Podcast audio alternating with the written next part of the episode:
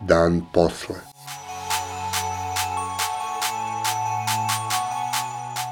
Podcast o krizi i njenim posledicama. Ovo je 46. epizoda Dana posle, specijalnog podcasta koji se bavi društvenim i političkim posledicama pandemije koronavirusa kod nas i u svetu. U Srbiji je na snazi izborna tišina pred izbore kojima bi trebalo da se definiše sudbina zemlje u naredne četiri godine. Zato smo u ovoj epizodi poželeli da saznamo kakva budućnost nas čeka u jednom mnogo dužem periodu, koji započeti trendovi će se nastaviti, a koji novi procesi pokrenuti, u kakvom međunarodnom okruženju ćemo živeti, koliko uopšte ima smisla ono što sada radimo i kako će to uticati na naš život u godinama koje nailaze. Mnogo je otvorenih pitanja na koje bismo voleli da nekako nađemo odgovore u ovom prilično depresivnom istorijskom momentu. Za to nam se ukazala idealna prilika kad smo sticajem potpuno neočekivanih okolnosti stupili u kontakt s jednim čovekom iz budućnosti. Naime, uspeli smo da uspostavimo komunikaciju s jednim srpskim intelektualcem iz 2050. godine, koji je poznat i u ovo naše doba – Radi se o vremešnom Dimitriju Vojnovu, koji je prošao dug put od uloge u filmu Gorana Markovića Tito i ja, do profesionalnog scenariste koji je radno aktivan i u 2050. godini. S njim smo razgovarali o tome kako će Srbija izgledati 30 godina posle sutrašnjih izbora.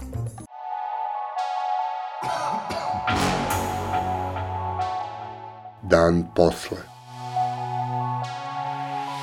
Dobar dan, gospodine Vojnov. Izuzetno smo uzbuđeni što imamo priliku da komuniciramo s nekim kao što ste vi.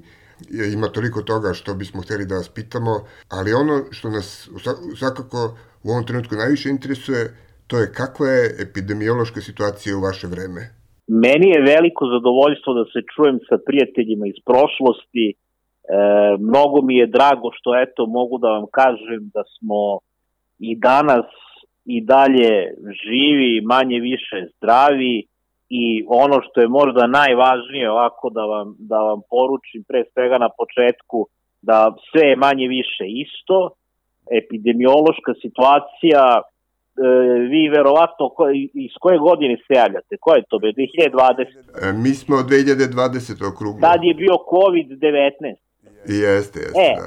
sad je jedan novi virus koji je malo drugačiji, ali u principu navikli smo već da se izbegavamo, snalazimo se i onako kad nam kažu da je epidemija, mi se prosto sklonimo, pričuvamo, malo variraju mere. Ovaj trenutni virus koji sada imamo je i dalje isti onaj problem, znači prelazak sa životinje na čoveka, nemamo imunitet, ovog puta napada centralni nervni sistem, drugačiji je, znači napada respiratorne i u principu uh, opasan i zbog toga što može da se prenosi i putem nekih uh, uređaja uh, koje danas imamo za komunikaciju, a koje povezujemo sa svojim telom. Ali u principu sve je to manje više isto, navikli smo se i jedan način života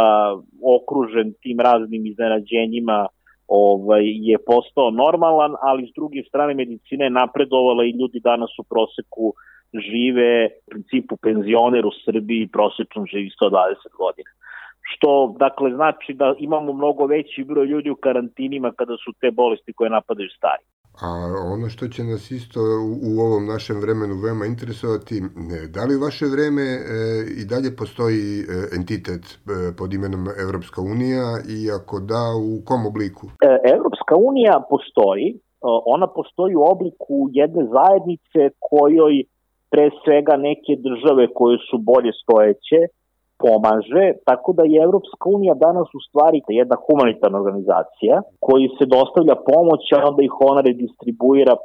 Ta organizacija je onako dosta neefikasna i dosta je kritikuju sada, ali je to nažalost jedna unija za koju bih rekao da je puna država koje praktično odumiru, dosta su velike migracije prema drugim državama, mi ovde recimo imamo sad ovako dosta jednu interesantnu situaciju, dosta Nemaca je migriralo u Srbiju i oni u principu onako malo se teže adaptiraju, uh, ali ja nisam rasista, imam dosta, dosta prijatelja Nemaca, moju decu je kad su bila mala čuvala jedna Nemica i i tako. Ima, mislim, znam dosta ljudi koji su Nemci, ali oni se malo teže adaptiraju i tako malo, znate, sad kad vam dođe jedna takva migrantska zajednica, pa da onda donese svoju hranu, pa onda taj njihov sauerkraut u svakoj ulici se kuva, to su onako neki novi mirisi, Beograd je postao u tom smislu egzotičnije mesto i tako imaju neke navike koje malo iritiraju građane, recimo, znate, na kod nas je standard, naravno vozimo ova leteće automobile, a na primjer Nemci vole da voze ova njihova nemačka kola, znate, koji idu po zemlji na točkovima. Mm -hmm.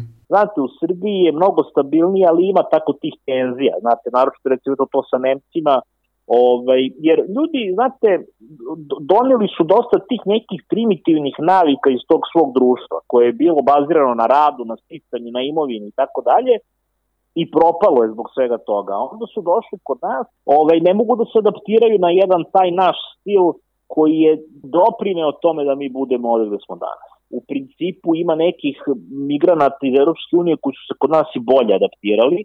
Tu su pre svega italijani, oni su, mislim, oni su veći Srbi nego Srbi, tu nema šta. Ovaj, Španci, Portugalci, Španci su onako u ovom delu u ovom delu tamo prema vršcu prave vino, to je fantastično, fantastično su to, jako su se dobro uklopili tako, a ovi šveđani su problematični, onako jedna krimi, kriminogena sredina, nažalost. Kako izgleda država Srbija 2050. Koliko ima stanovnika, koja nacija je većina? U Srbiji 2050. godine ima, verovali ili ne, 9 miliona glasača, a ima oko 5 miliona stanovnika to je interesantno, da, a e, etnički sastav je e, u principu 70% su Srbi, oko 15% Nemci i preostalih 15% su druge nacije. Srbija se prostire od Horgoša do Dragaša, problem Kosova je rešen, 2030. godine su Albanci prosto otišli negde da im je bolje, i toplije i prijatnije i u principu sada na Kosovu su uglavnom Srbi i Šveđani, nažalost Šveđani su preuzeli te neke posle kriminala tamo. Međutim, 2035. godine se desio takozvani treći svetski rat koji se zapravo odigrao između Rusije, Kine i Sjedinjih američkih država i izgledao je na sledeći način. Uh, to je zapravo jedan rat kada smo se mi Srbi što bi se rekao, uhvatili za zelenu granu. Dakle, došlo je do cyber rata, do rata u kome su uništene baze podataka i u tom međusobnom uništenju baza podataka je praktično su uništeni svi podaci o imovini i o bogatstvu, a pošto je najveći deo bogatstva bio investicijama i bio je praktično u papirima i bio je potpuno virtuelan, to je su hartijama od vrednosti, ne u papirima, tim pre, zapravo papira više nije bilo, to su bile hartije od vrednosti koje su virtuelno postojale. Odjednom je na celom svetu nastupio jedan potpuni kolaps, zbog toga što više niko nije mogao da dokaže kojom imovinom u stvari raspolaze sve one imovine za koju je imao ključ u tom trenutku. U, nezgodno.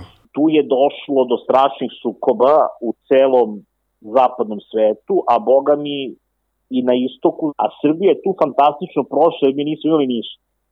Tako da smo mi ovde nastavili da živimo u miru kao i pre toga. Za nas, barem ovde, je od te 2035. krenuo jedan period izuzetnog prosperiteta i evo već, da vam kažem, 15 godina smo mi jedna stabilna država i neki nas onako pežorativno čak malo nazivaju i svetskim policajcima. Pa dobro, kako je e, društveno državno uređenje u toj Srbiji? Da li i dalje postoji više partijski sistem? E, da li je, e, da li je SPS i dalje na vlasti? Mi smo negde 2025. odlučili da prestanemo da se interesujemo za politiku generalno kao narod. Imamo predsednika, on vodi te poslove, ako nešto treba da se glasa, on kaže, mi glasamo, i više se uopšte time mnogo ne opterećujemo.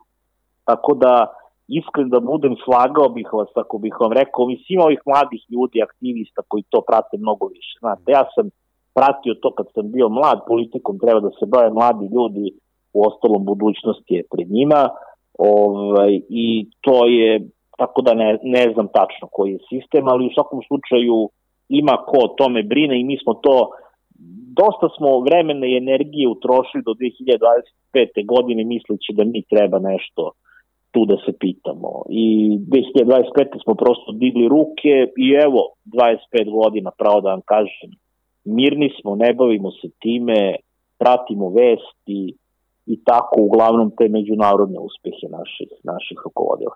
A dobro, ali ima li nekakvi, bilo kakvih e, društvenih sukoba u zemlji između nekih e, socijalnih grupacija i slojeva? To sa migrantima je uvek onako neka tenzija, znate, ali e, u principu ovaj, jedan moto naše zemlje, to je u stvari moto koji je preuzet iz jedne predizborne kampanje koja je bila 2022. godine, on je glasio radnicima dobro, sirotini teško. I to je moto koji je nekako iz te predizborne kampanje prešao i u našu društvenu stvarnost, oni kojima je teško, oni se bore, pronalaze načine da im bude bolje, mi koji radimo, nama je dobro, trudimo se da zadržimo te poslove, mi se bavimo svojom mukom, ako nešto čovjek sam može da reši, reši, i to je tako, malo je to drugačije od onog što smo mi želeli, znate, kako smo mi zamišljali da sve treba da izgleda, ali navikne se čovjek, znate. Pa vidjet ćete, vidjet ćete i vi. A, a e, interesuje me sad ko, su, ko su vam uopšte poslodavci i kako se oni odnose prema zaposlenima, da li postoji i dalje izraz onaj iz 19. veka, radnička prava? To kod poslodavca, ono obezbedi nekako dovoljno da vi imate gde da preživite, da možete da se reprodukujete, da on sutra može da računa i na vašu decu kao na radnike i to je dato sve u privatne ruke, mi deo svojih prihoda uplaćujemo u te fondove koje drže privatne firme, vrlo često upravo naši poslodavci, ostavljamo im deo plate, jednog dana možemo da dođemo po to. Ako vas prevari za to, vi onda Pa znate, mislim, neću sad ajde da pričam, ali pošto mogu u stvari, jer ovo neće se čuti u mom vremenu, u vašem vremenu, angažujete neke Nemci ili Sređane, ono malo popričaju sa njim i vi dobijete te pare. Mm -hmm. Ma da. Kakva je situacija e, u regionu? E, ko je na vlasti u Crnoj Gori? Kako je političko uređenje u Bosni i Hercegovini? Šta se tu dešava? Na šta to sve liči? Protekli godinu dana tinja jedan jako neprijatan sukob ovaj, zbunjujući i potpuno neočekivan između Srbije i Hrvatske. Naime, Hrvati su želeli da kloniraju Dražana Petrovića za potrebu svoje reprezentacije, jer sad u stvari se vrhunskim profesionalnim sportom bave klonovi velikih zvezda, novih sportista gotovo i da nema. I u najvećim sportskim klubima su klonovi velikih zvezda. Oni su kloniraju Petrovića, tokom kloniranja se otkrilo po njegovom DNK da je on u stvari Srbin. Uh. I sad je naš košarkaški savez tražio da Petrović bude u našoj reprezentaciji. Prošle godine je Crvena zvezda, košarkaški klub, pod pokroviteljstvom našeg predsednika, kupila klon Michaela Jordana. Uh, postoje samo 23 klona Michaela Jordana na svetu, jer je on nosio broj 23 na dresu. I Zvezda je kupila jednog, međutim tog smo kupili iz jednog španskog kluba i tamo se onako dosta dobro jelo, onako je dosta podgojen i dosta drugačije od onog pravog. Michaela Jordana kog ja pamtim kao dete, a sigurno i vi kao dete pamtite. Ovi, tako da i ti klonovi se malo iskvare, znate. Pa da, povede čoveka društvo. Tako je, tako je. E, ko je bio e, prvi Srbin u kosmosu posle Željka Mitrovića i e, šta mu bila misija, e, radi čega je poslat e, gore? Poslali smo dva Srbina u kosmos, e, na Mars, zato što smo želeli da tamo uspostavimo jedan istorijski kontinuitet. E, mi smo potpisali ugovori sa Rusijom i sa Kinom o tom svemirskom programu još pre 30 i nešto godina. I ovaj, poslali smo dva čoveka i jedan je bio veoma star, tako da je on na tom putovanju umro i na Marsu je pokopan i to smo proglasili srpsku zemlju, jer je srpska zemlja tamo gde su srpski grobovi. Znači. I i u tom smislu time smo tu stvar pravno rešili. E da, šta se dešava? Je li izgrađen e, metro u Beogradu? Nije izgrađeno zato što imamo leteće automobile, tako da više ne postoji taj problem sa zagušenjem saobraćaja osim Nemaca i osim tih nekih jednostavnijih do vozila za dostavu po ulicama više se ne kreću vozila, uglavnom se kreću ljudi koji izađu da nešto bace, ne znam, recimo otpadke ili tako nešto, ovaj, ili ti neki jednostavniji roboti za kućnu poslugu, ovaj, ali, ali nema više tog problema kretanje po zemlji, mislim, saobraćaj mahom u vazduhu, leteći automobili se proizvode u Kragujevcu. Interesuje me koliko su efekti globalnog zagrevanja pogodili našu zemlju? Gde je sada linija Jadrana i gde, gde smo dobili izlaz na more? Pa dobili smo izlaz na more na Zlatiboru. Prijatna je klima, noću sveže, danju toplo, vrlo je, vrlo je prijatno da se ode i sa decom i tako, to je, to je vrlo, vrlo lepo. Onako, znate, sad malo letovanje je drugačije nego što je bilo, mislim, ranije odete na letovanje pa onako uz more, riblji restorani i tako, a sad odete, na primjer, na neku Zlatiborsku, onu komplet lepinju, pa u more. Mislim, onako, malo je drugačije nego što je bilo pre, ali je to, je to potpuno u redu, da. Gde su tačno naselili e, one migrante koji su dovozili dok su im bili zatvoreni u karantinu? To je dobro pitanje. Pa, uh, oni... Da li ste ikad otkrilo? Da, da, jest, jest. Oni su bili nasiljeni u Beogradu na vodi. Uh mhm. -huh. Da, oni su bili nasiljeni u Beogradu na vodi. To se otkrilo kasnije i oni su, oni su praktično u stvari radili jedan posao koji ovako možda neobično deluje, pošto stanuju u Beogradu na vodi niko nije mogao da priušti oni su imali zadatak da borave u tim praznim stanovima da pale svetlo noću, da bi delovalo kao da, da, da tu neko živi. Onda su oni malo počeli da zabušavaju sa tim i to je postalo šematizovano i onda su ljudi otkrili da se stalno pale isto svetlo u isto vreme. Šta se sve šveđanin doseti da... da... Što se 5G tiče, ispostavilo se da je štetno po zdravlje. E, ipak. Zato što su ljudi, da, da, da je štetno po zato što su ljudi, kad su dobili taj dosta jak internet, počeli jako mnogo vremena da provode uz internet uh, i slabije se kretali. I evo sad imamo najnovija tehnologija je G17+, tako znam, bio je G17, sad imamo G17+, to je neki baš najjači, najjači prenos podataka koji trenutno imamo, ali on ne samo da može da prenosi podatke, on može da prenosi i novac.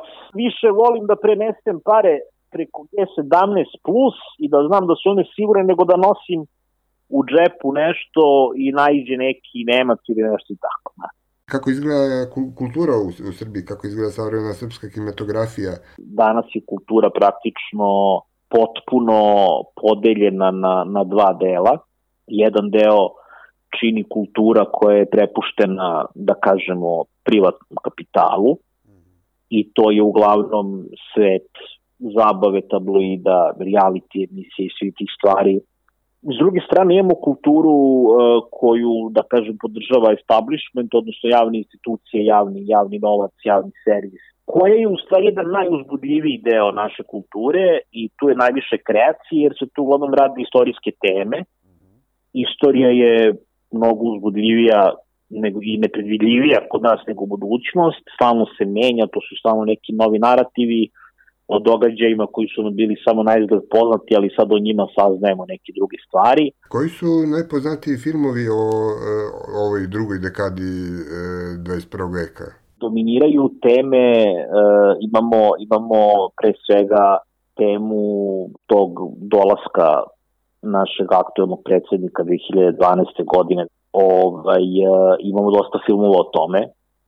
Imamo recimo bila jedna sjajna komedija ovaj, zove se Štrajk glađu. Bilo je dosta jako, jako dobrih filmova uzbudljivih eh, o, o izgradnji Beograda na vodi i tako uglavnom tema progresa, razvoja, te osnovna tema je odricanje, osnovna tema je da, da čovek koji ne zna šta je patnja i ko ne zna šta je briga i strepnja zapravo nije živ i nije u punom smislu aktivan i ne doprinosi zajednici. Kažite nam na kraju šta biste vi poručili stanovnicima Srbije u 2020. godini, e, kakvi izazovi nas čekaju i u šta treba da usmerimo naše snage? Htio bih da vam kažem da budete pametniji nego što smo mi bili, mi smo te 2025. prestali da brinemo o politici, vi treba ranije, ima ko da brine o tome, ima ko je pametan za sve, za sve nas, ne treba mi da se pravimo pametni, ne treba da se opterećujemo materijalnim vrednostima, ne treba da se opterećujemo sigurnošću koja iz toga proističe, 2035. će to sve biti poništeno i tada će se da smo mi u stvari bili u pravu i osnovni moto koji tre, kojim treba da se vodite treba da glasi šta nam fali. Znači, kad god ste u nekoj krizi, kad god ste nezadovoljni, vi samo kažete sebi šta nam fali i time ćete odagnati, odagnati svaku sumnju. Gospodine Vojnov, puno vam hvala. Prenesite naše pozdrave zemljacima u 2050. godini i nadam se da nam ovo neće biti poslednji kontakt. Ja se takođe nadam.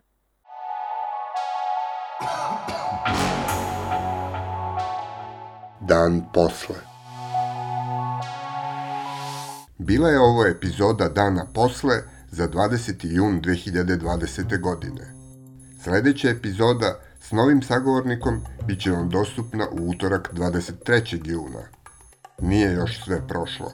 Pridržavajte se mera zaštite od koronavirusa, čuvajte svoj i tuđe živote i ne ćutite pred glupošću i nepravdom.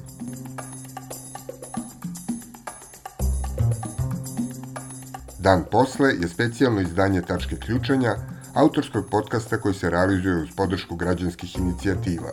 Stavovi izneti u emisiji nisu nužno stavovi redakcije podcasta Dan posle, niti udruženja građanske inicijative. Redakcija Ilir Gaši, Tara Petrović i Aleksandar Gubaš. Urednik i voditelj Aleksandar Gubaš. Muzika Zeifol i Ben Sound.